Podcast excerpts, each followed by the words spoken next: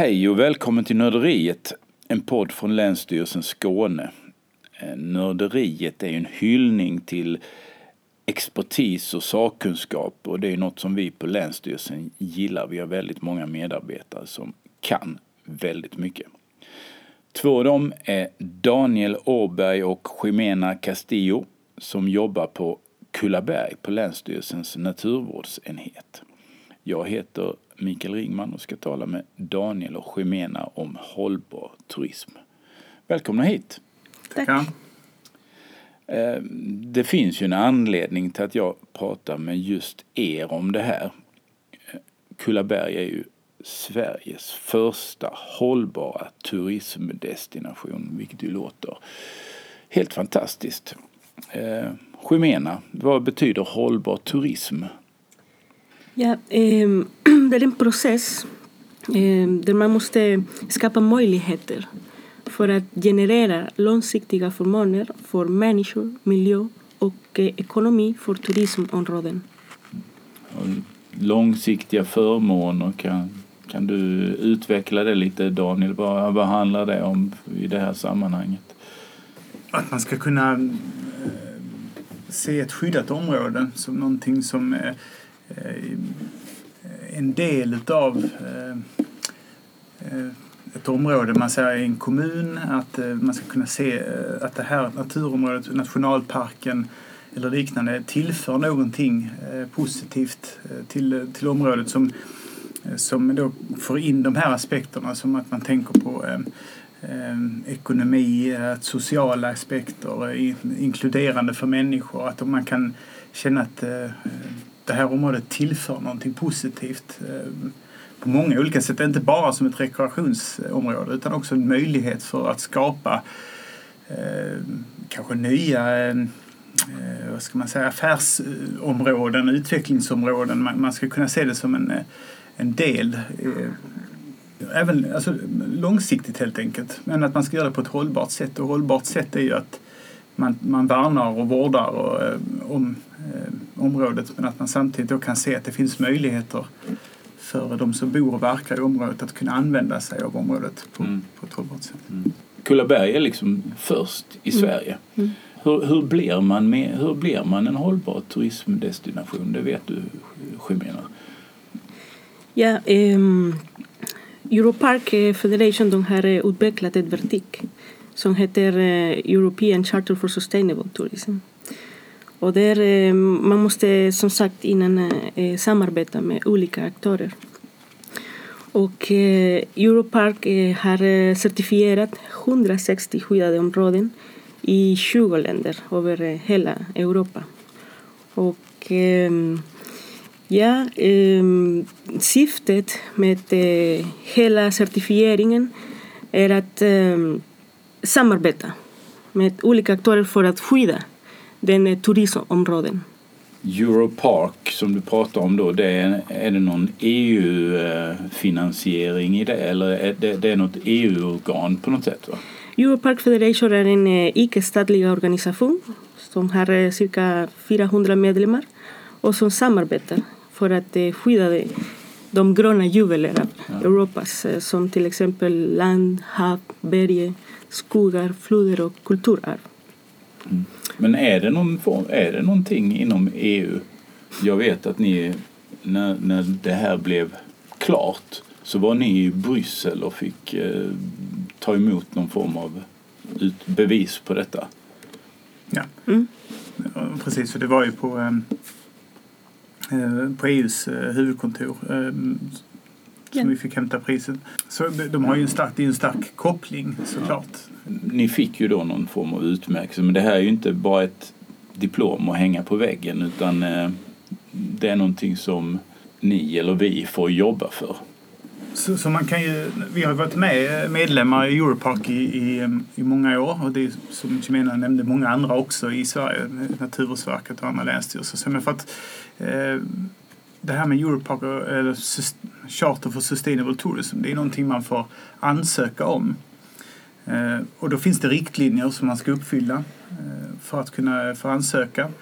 Och det innebär bland annat det här att, att inkludera samhället, man ska ha möten, man ska då ta fram en slags SWOT-analys. Vad är de viktigaste sakerna att prioritera i det här området? Och då, då inkluderar man samhället i de frågorna. Så att, eh, förvaltningen kan till exempel på en nationalpark eller som hos oss ha viktiga frågor. Men det kan också vara eh, den lokala byn eller eh, näringslivsenheten på kommunen eller det kan vara naturskyddsförening eller ornitologer. Alla har eh, vinklar som man måste lyfta upp och ta, ta till sig. Och sen så gör man efter den här SWOT-analysen så bestämmer man sig för en handlingsplan. Det här är det viktigaste, detta är vad vi ska göra inom en femårsperiod. Och då ansöker man utifrån den till Europark. Och där kommer då, eh, det, det, det är ganska mycket arbete för att kunna komma överens om vad är det viktigaste och vad är det vi ska lägga våra, eh, vår tid och våra pengar på eh, framöver.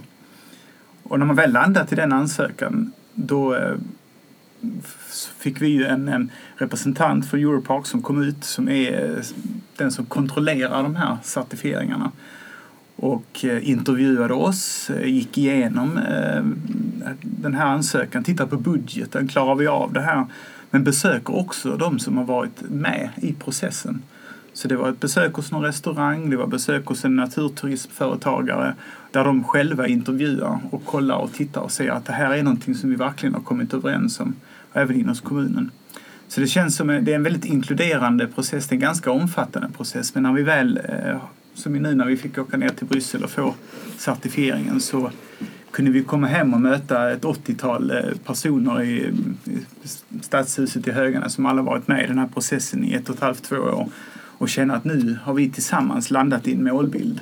Och nu har vi fem år vi ska jobba eh, inom den här eh, Handlingsplanen. handlingsplanen. Och sen ska man utvärderas igen och så kanske vi har nya mål eller bör ha nya mål framöver för det här är en ständig utvecklingsprocess. Men det är väl det som är det unika här att nu har vi landat i någonting som eh, samhället är inkluderat i och att vi har en kontinuerlig dialog. Två gånger om året samlas vi, tittar på handlingsplanen. Kanske att vi får revidera, göra någonting på vägen för det händer ju saker, men att vi gör det tillsammans. Mm. Och du sa ni började här med en SWOT-analys i ett tidigt skede. Det är alltså, då tittar man på både hot och möjligheter så att säga. Så man, och det intressantaste för, för er del är väl möjligheterna då. Så, så vad är det ni vill eh, uppnå med detta? Vi har olika mål kan man säga. De viktigaste är att eh, eh, vi vill utveckla en strategi för hållbar turism som inkluderar ekonomiska, sociala och kulturella effekter utveckla naturvårdsstrategier för att underlätta skyddet av den biologiska mångfalden i samarbete med de lokala myndigheterna samt turism och eh, miljöorganisationer. Och förklar främja reservatet som en hållbar turismdestination. Mm. Men när man talar om att utveckla strategier så det är ju, det är ju sin sak. Men vad betyder det här rent konkret? Vad, vad är det som, vad händer för eh, Mm. Ja, vad händer när man åker dit som besökare? Vad är det som blir förändrat här? Mm, ja, jo, men det, om man tittar tillbaka eh, innan vi påbörjade den här strategin och den här handlingsplanen mm.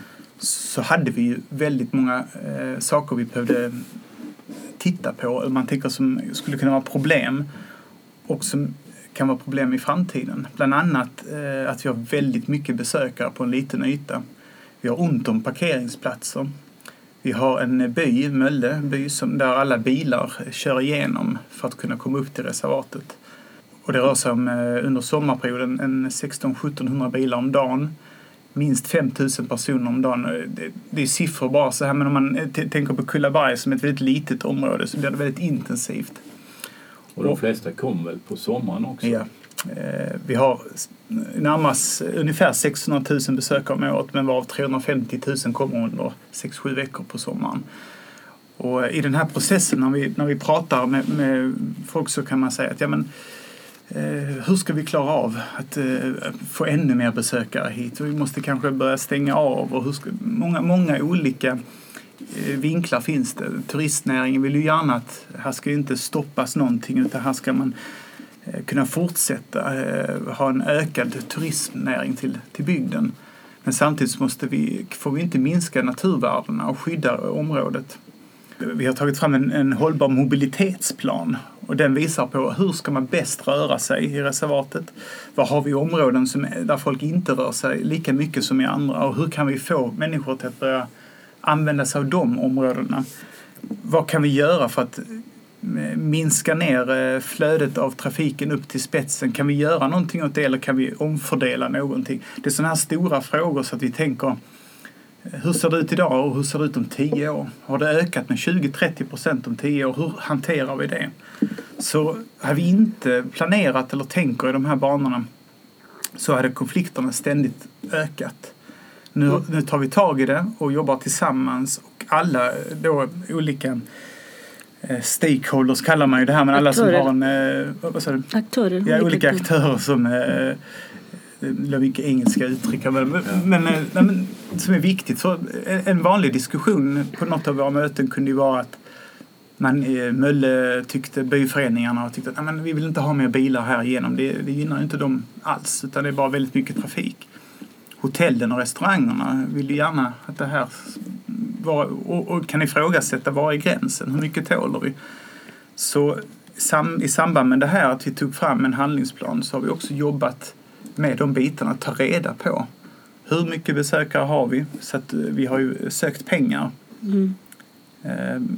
EU, EU-projekt alltså kopplat till den här handlingsplanen och eftersom vi då har så många deltagare så har det varit ganska lätt faktiskt för oss att få pilotpengar och få utvecklingspengar. Att sätta upp besöksräknare, att göra våra undersökningar och sen att samla fakta. Det låter ju vä- väldigt spännande och inte minst den här Alltså det det kan man ju se framför sig den här konflikten kring, kring trafiken då ju.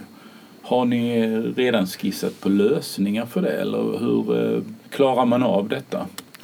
Ja, eh, under 2016 så hade vi olika diskussionsgrupper för att ta fram den handlingsplan. Och under 2017 så eh, vi hade också diskussionsgrupper för att ta fram en, en hållbar mobilitetsplan. Med dessa diskussionsgrupper så väljer vi vägen tillsammans. Som Daniel säger, det är olika aktörer och det finns olika intressen. Och så det, det är lite svårt att hitta en balans. Mm. Och det är eh, det som vi arbetar um, mest nu, kan vi säga, med att implementera den hållbar mobilitetsplanen.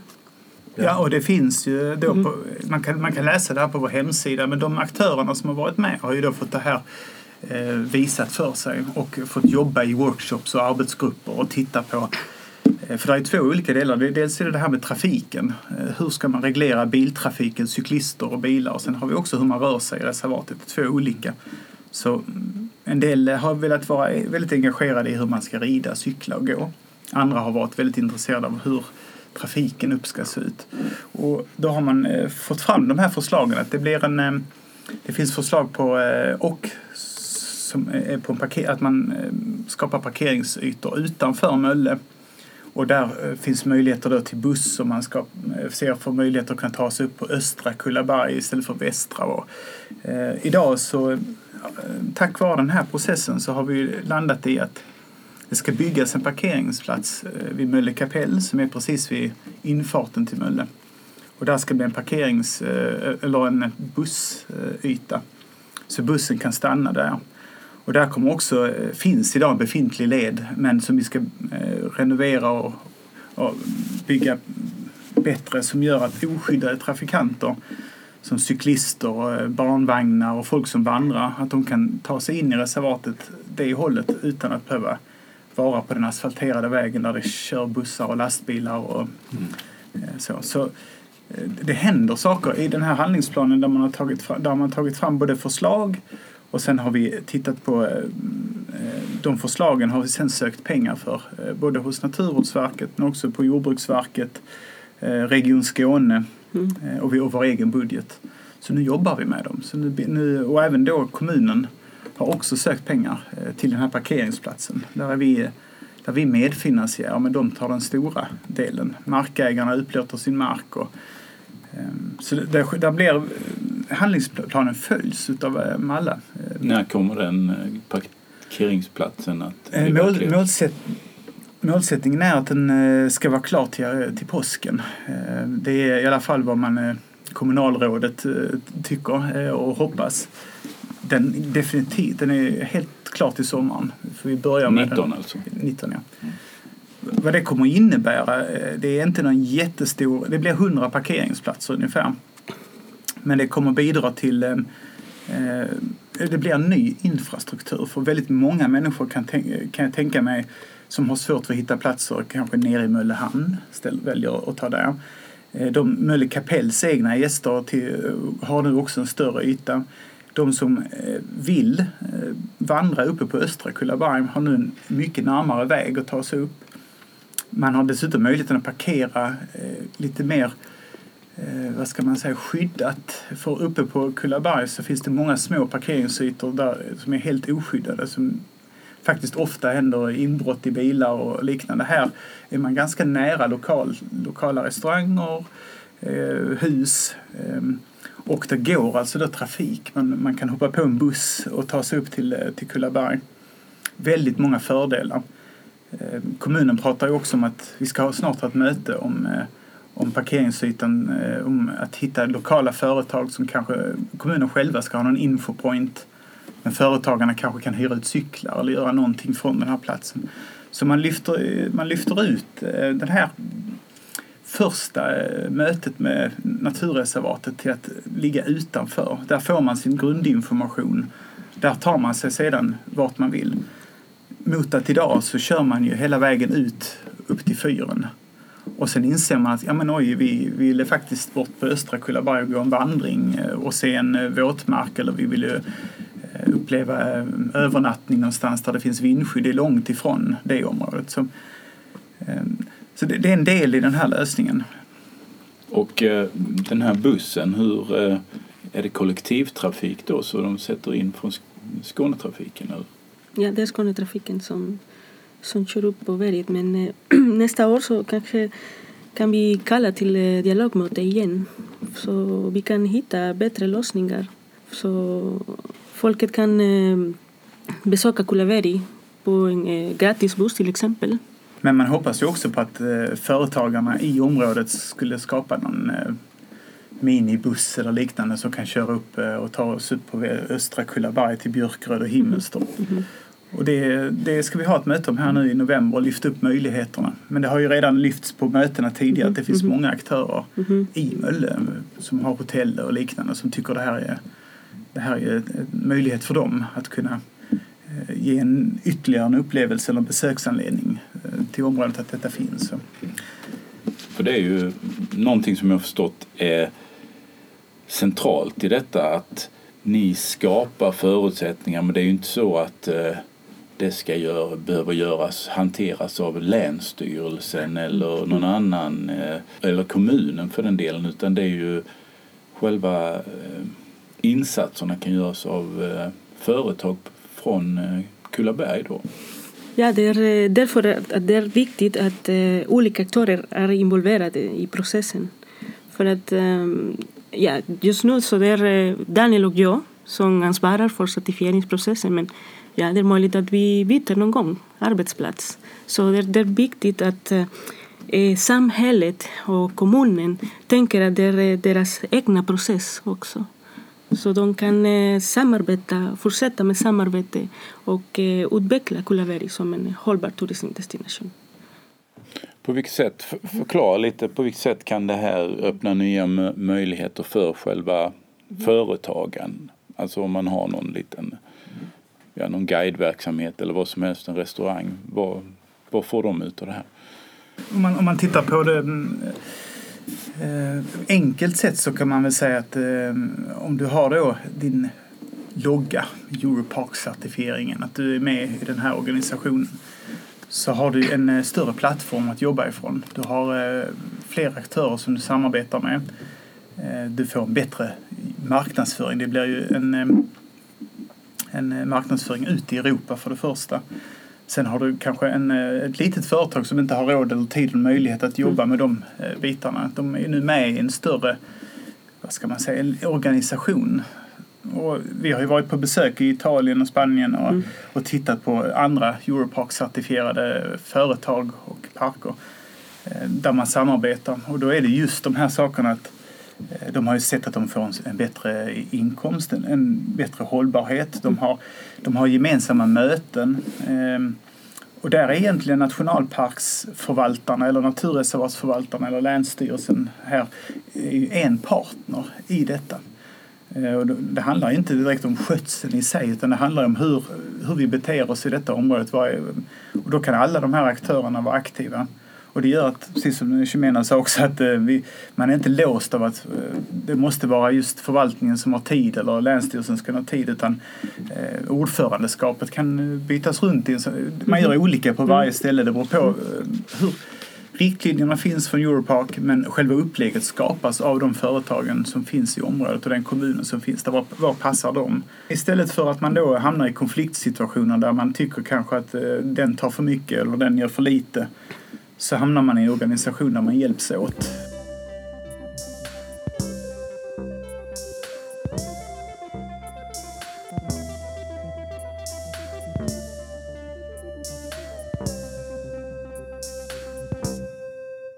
Blir det automatiskt fler besök på en sån här hållbar turismdestination? Man, kan, man, man, man går in i den här processen av olika anledningar. Det finns eh, nationalparker i Finland som, har, som går med för att de har alldeles för lite besökare. De vill ju hitta samverkanspartner i det här nätverket för att kunna skapa bättre förutsättningar. Det finns de som har alldeles för många besökare, de klarar inte av fler. De vill också vara med och nätverka, hitta lösningar på att eh, var Kullaberg eh, är, jag tror vi är jag tror inte det förändrar. Det kan göra så att vi får, eh, man får mer internationella besökare på grund av Europark. Men jag tror också att det viktigaste av allt är att vi, eh, vi hänger med i utvecklingen. Vi kommer eh, kunna styra våra besökare, vi kommer kunna ge dem en bättre upplevelse. Och framförallt så kommer vi kunna skydda Kullaberg. Mm, hur vi hanterar eh, besöksströmmar. Ja, vi kan bes mm. hantera våra besöksströmmar. Så skyddet och värdena, mm. det är de som är det viktigaste av allt i hela den här processen. Och gör vi inte de här, tittar på de här lösningarna redan nu, att jobba tillsammans, så, så kommer han ganska snart. För det ser vi redan nu, eh, sen vi tog de sista tre åren vi har gjort mätningar mm -hmm. har vi sett att det har ökat okay. varje år. Men mm -hmm. Mellan 5 till 15 procents ökning. Och det, det, är inget som säger att det kommer inte fortsätta. Någonstans tar det stopp men under tiden måste vi hela tiden arbeta med vad gör vi för att klara av detta på bästa möjliga sätt.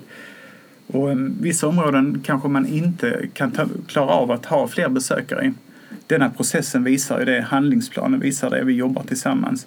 Andra områden är nästan tomma jämförbart så man kanske kan göra väldigt mycket mer med.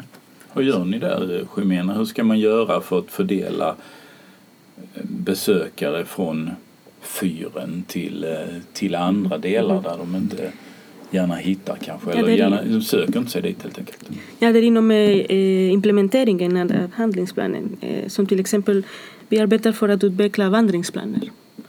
För att eh, eh kanalisera folket på olika platser i, i, i Kullaberg. För att reservatet är delat på västra och östra Kullaberg. Och så de flesta kommer till västra Kullaberg. Och vad gör ni då? Skapar ni en ny vandringsslinga, nya skyltar eller vad är det ni hittar på? Ja, eh, inom eh, den här SWOT-analysen så vi hittade att det finns eh, många svagheter på Kullaberg som till exempel vi måste förbättra skyltning. Vi måste förbättra lederna och eh, eh vi, vi arbetar för att öka säkerheten. Vi började i år med vi fick eh, projektpengar för att, eh, för att göra dessa insatser. Och, eh, resultaten inom det här projektet är att uh, vi kommer att, att, att öka säkerheten och förbättra skyltning i, i Kullabergs naturreservat. Så det blir lättare för, för besökarna också att eh, eh, eh hitta dessa intressanta platser som finns på berget. Mm, och, och, det är faktiskt så att det är inte bara utifrån att man har kört upp till, eh, till fyren och därför veta de här planerna utan det här ska ju vara vi, hade ju konsulter som var inne och tog fram den här mobilitetsplanen. De har ju lyft, man, man tar lite högre blick och tittar inte bara på reservatet utan också hur folk tar sig till Kullaberg. Och då kan det vara från Ängelholm, från Helsingborg, vilka vägar som går in och hur ser skyltningen ut på vägarna dit? Eh, vad är eh, var ska vi eh, lyfta upp eller ändra? Eller hur, hur, ser hur ser den digitala informationen ut? Hur jobbar man med det i kommunen till exempel? Så alla de bitarna eh, jobbas ju med här också. Att det är därför vi har alla de här. Vi kan inte göra allt det här jobbet själva men om Skånetrafiken vet om, det finns bra information. Man har eh, cykel, de som utvecklar cykelleder vet var man kan göra de dragningarna. Var finns stationerna bäst? Vad finns det att se? Eh, och samma sak eh, på de här befintliga mm. parkeringsplatserna, de nya parkeringsplatserna. Där är vi involverade i hur skyltarna ska se ut också mm. och hur informationen mm. ska vara. Så det, tanken är ju att redan när man planerar ett besök till Kullaberg så ska man ha fått informationen om att här är fantastiska vandringsområden och eh, toppar att komma upp och titta på. Och att man kanske då eh, redan innan har planerat att det här är det jag vill göra. För idag så eh, är, skulle jag kunna säga spontant att det är 70-80 procent av besökarna som är där för första gången. Vilket låter, men det är under högsäsong och de kommer eh, och kör så långt de kan på den asfalterade vägen. Och man går de sista 150 meterna ut i fyren Sen vi byggde Naturrummet så har man också fått lite mer information där. Det är Sveriges mest besökta naturrum. 120 000 besökare någonting som är inne och får en broschyr och så kommer man på att ja, men, det är på Östra och så tar man bilen igen och så kör man mm. den halva milen bort och så upp till den andra parkeringen. I det här arbetet så ska vi eh, se till så att man redan när man är på gång eller på väg in så vet man om att men det är här jag ska vika av och det här jag ska göra. Det blir en bättre upplevelse för besökarna och det blir en bättre plats för, eh, eller bättre för Kullaberg också. Du nämnde någonting här Daniel eh, om att en viktig del i detta är också att skydda Kullaberg. Vad menar ni med det? Alltså på vilket sätt skyddar man Jo, men det är väl egentligen det viktiga, det, eller det är det viktigaste av allt när man jobbar med hållbar turism och utveckling. Eh, I kommunen kanske man pratar om destinationsutveckling och man tänker på näringen. Men vi tänker ju på eh, naturreservatets värden och det finns ett syfte och mål med bildandet av naturreservatet. Det finns det för alla naturreservat. En del naturreservat är bildade endast för naturvärdena, en del för friluftslivet, en del har en kombination. Kullaberg är ett kombinerat reservat. Det finns många rödlistade arter, det finns eh, också känsliga arter. Det finns, vissa områden har beträdnadsförbud under vissa perioder om året. Så de, de värdena dessutom ett Natura 2000-område som innebär att det här är en av våra eh, mest värdefulla områden. Och ska man kunna jobba, ska man jobba med de här utvecklingsbitarna och tänka att det ska kunna komma fler besökare så måste man ha koll på vilka värden finns och var finns de och hur påverkas de. Och det är, det är något som vi ständigt gör också. Vi har eh, alldeles nyligen eh, gjort en, en eh, inventering av alla naturvärdena, så alla arter, och så kopplat till ekosystemtjänster också. Och det finns med i vår handlingsplan att det är väldigt viktigt. Eh, för hur mycket tålar vi och var, eh, hur mycket besökare tålar vi i varje område? Och det har vi tagit fram med miljökonsulter. Och sen så tittar vi på, som Jimena nämnde här innan, med, med, med stigar och leder och att vissa är farliga. De kanske måste eh, konstrueras annorlunda för att vara säkra och också få tåla ett högre tryck. Så det är olika delar. Men, men skyddet är viktigt och då, då är det att titta på, eh, ständigt ha koll på vilka värden som finns och var de finns och att de inte försämras. Och det andra är att man bygger, eh, man tillgängliggör de ytor som går att tillgängliggöra och gör dem ordentligt och bra så att de håller för ett ökat tryck.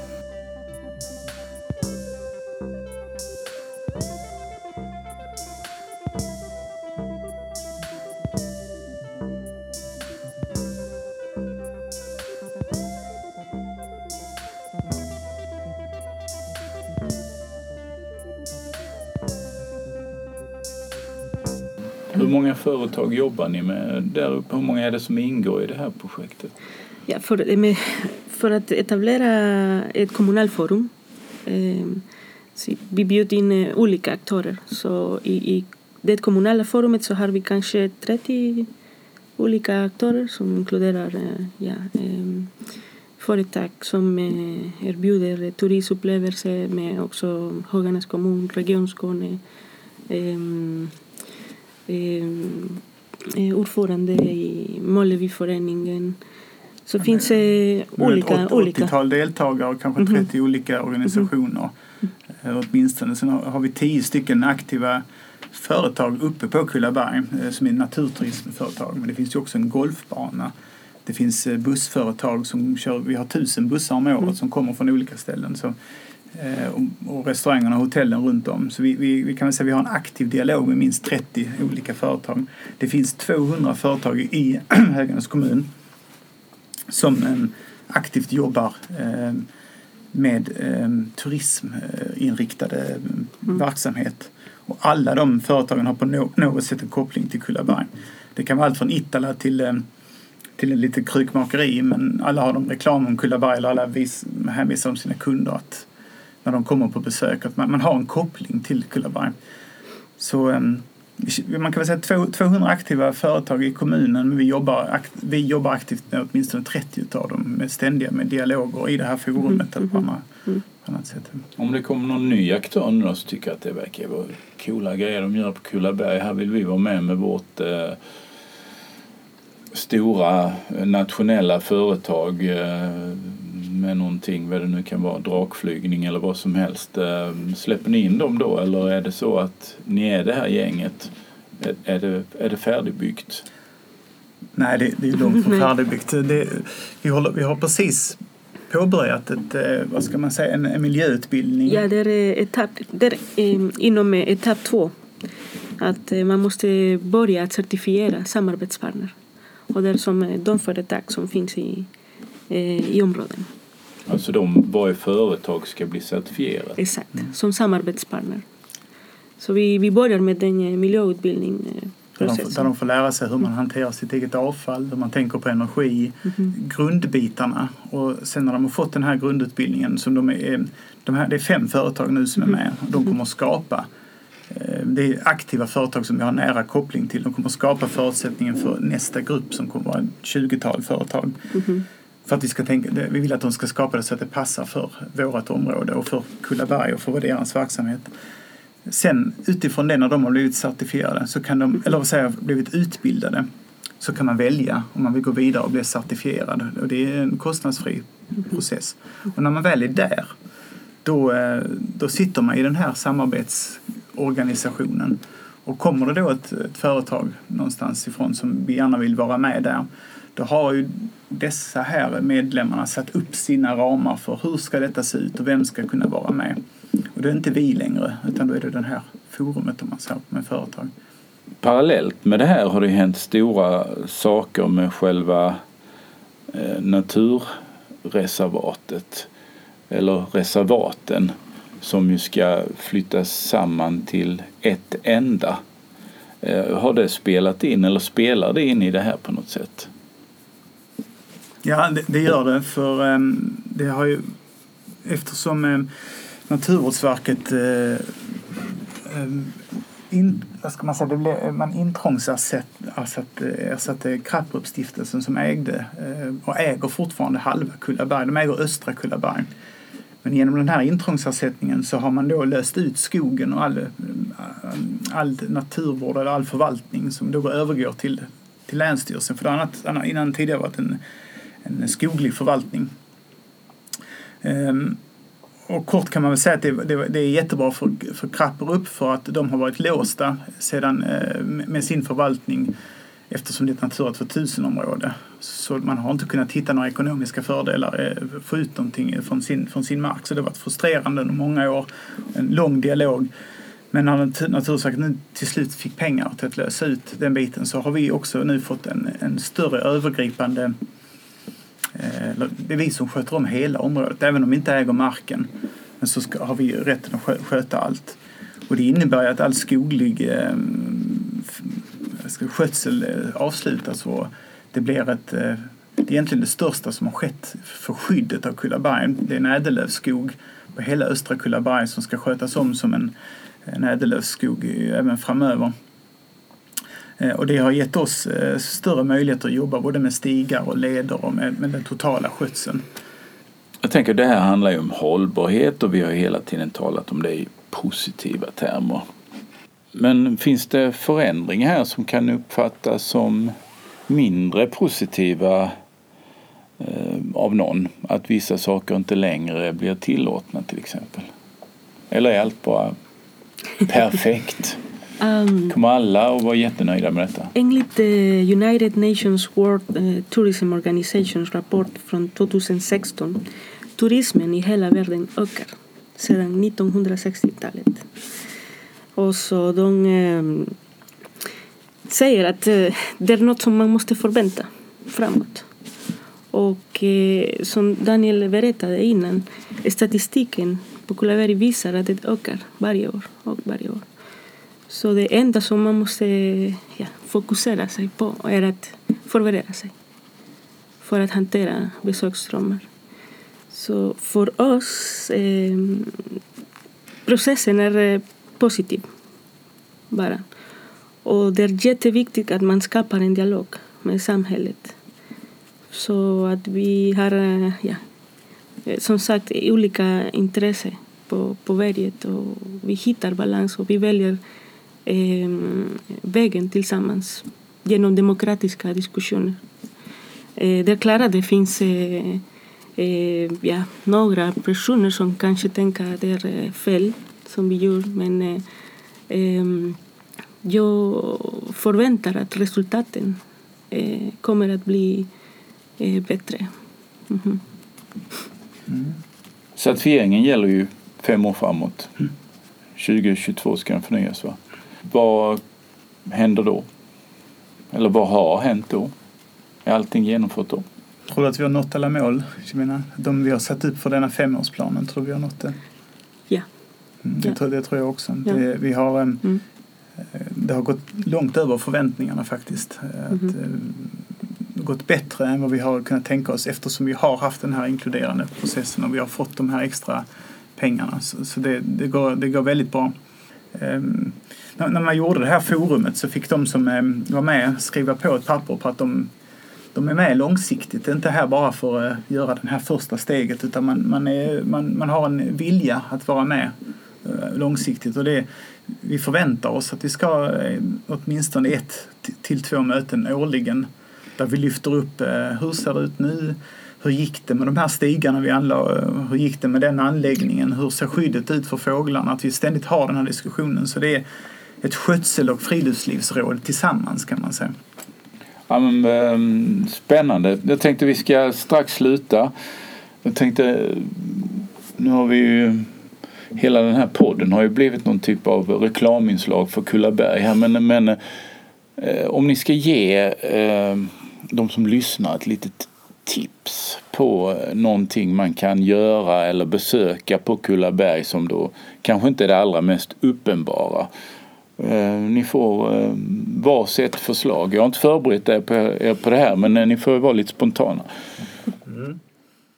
För mig så tycker jag eh, att våra toppar som vi har, jag tycker om att, att klättra och ta mig upp på höjder. Och, eh, på östra Kullaberg så finns det eh, tre fina höga toppar så man har en ganska spännande väg att ta sig dit också. Eh, från närmsta parkeringsplats genom eh, många olika miljöer för att ta sig. Eh, och- den jag rekommenderar mest är väl, eh, det är väl Håkull som är den högsta toppen. Och det finns två andra också toppar som är spännande. Som man kan, vilket är en av de här vandringsplanerna och vandrings nya förslagen vi lyfter fram. Så, så Mm. topparna. Mm. Håkul. Mm. Jimena, vad säger du? Jag gillar Kärringmallen till exempel. Kärring? Min, Kärringmallen. Det är min Ja. favoritplats. Vad är det för någonting? Eh, det är en... Eh, vad heter man? Man kallar det för mal här. Det är ju en... eh, Eh, vad ska man säga? Det är, det är på norrsidan av Kullaberg och man går ner, det är som en trappa ner som man kommer ner till eh, en, en ganska spännande led ner genom eh, mycket växtlighet så kommer du ner till en liten eh, stenmal där man kan bada. Men den är jättefin för det är inte många besökare där. Det, är- det är väl Mhm. Det är jättelugnt. jättelugnt. Vår och höst så är man... Eh, Mm. Fast nu kommer det nog många nu när du... Men det, det är en väldigt vacker plats på Kullaberg. Mm. Ja men vad spännande. Kärringmalen och Håkull. Eh, två bra tips här från Jimena Castillo och Daniel Åberg. Eh, ta- jag tackar er så mycket för att ni har velat prata om hållbar turism. Eh, mycket spännande. Eh, vi återkommer med Nörderiet här inom kort. Hej hej! Hej.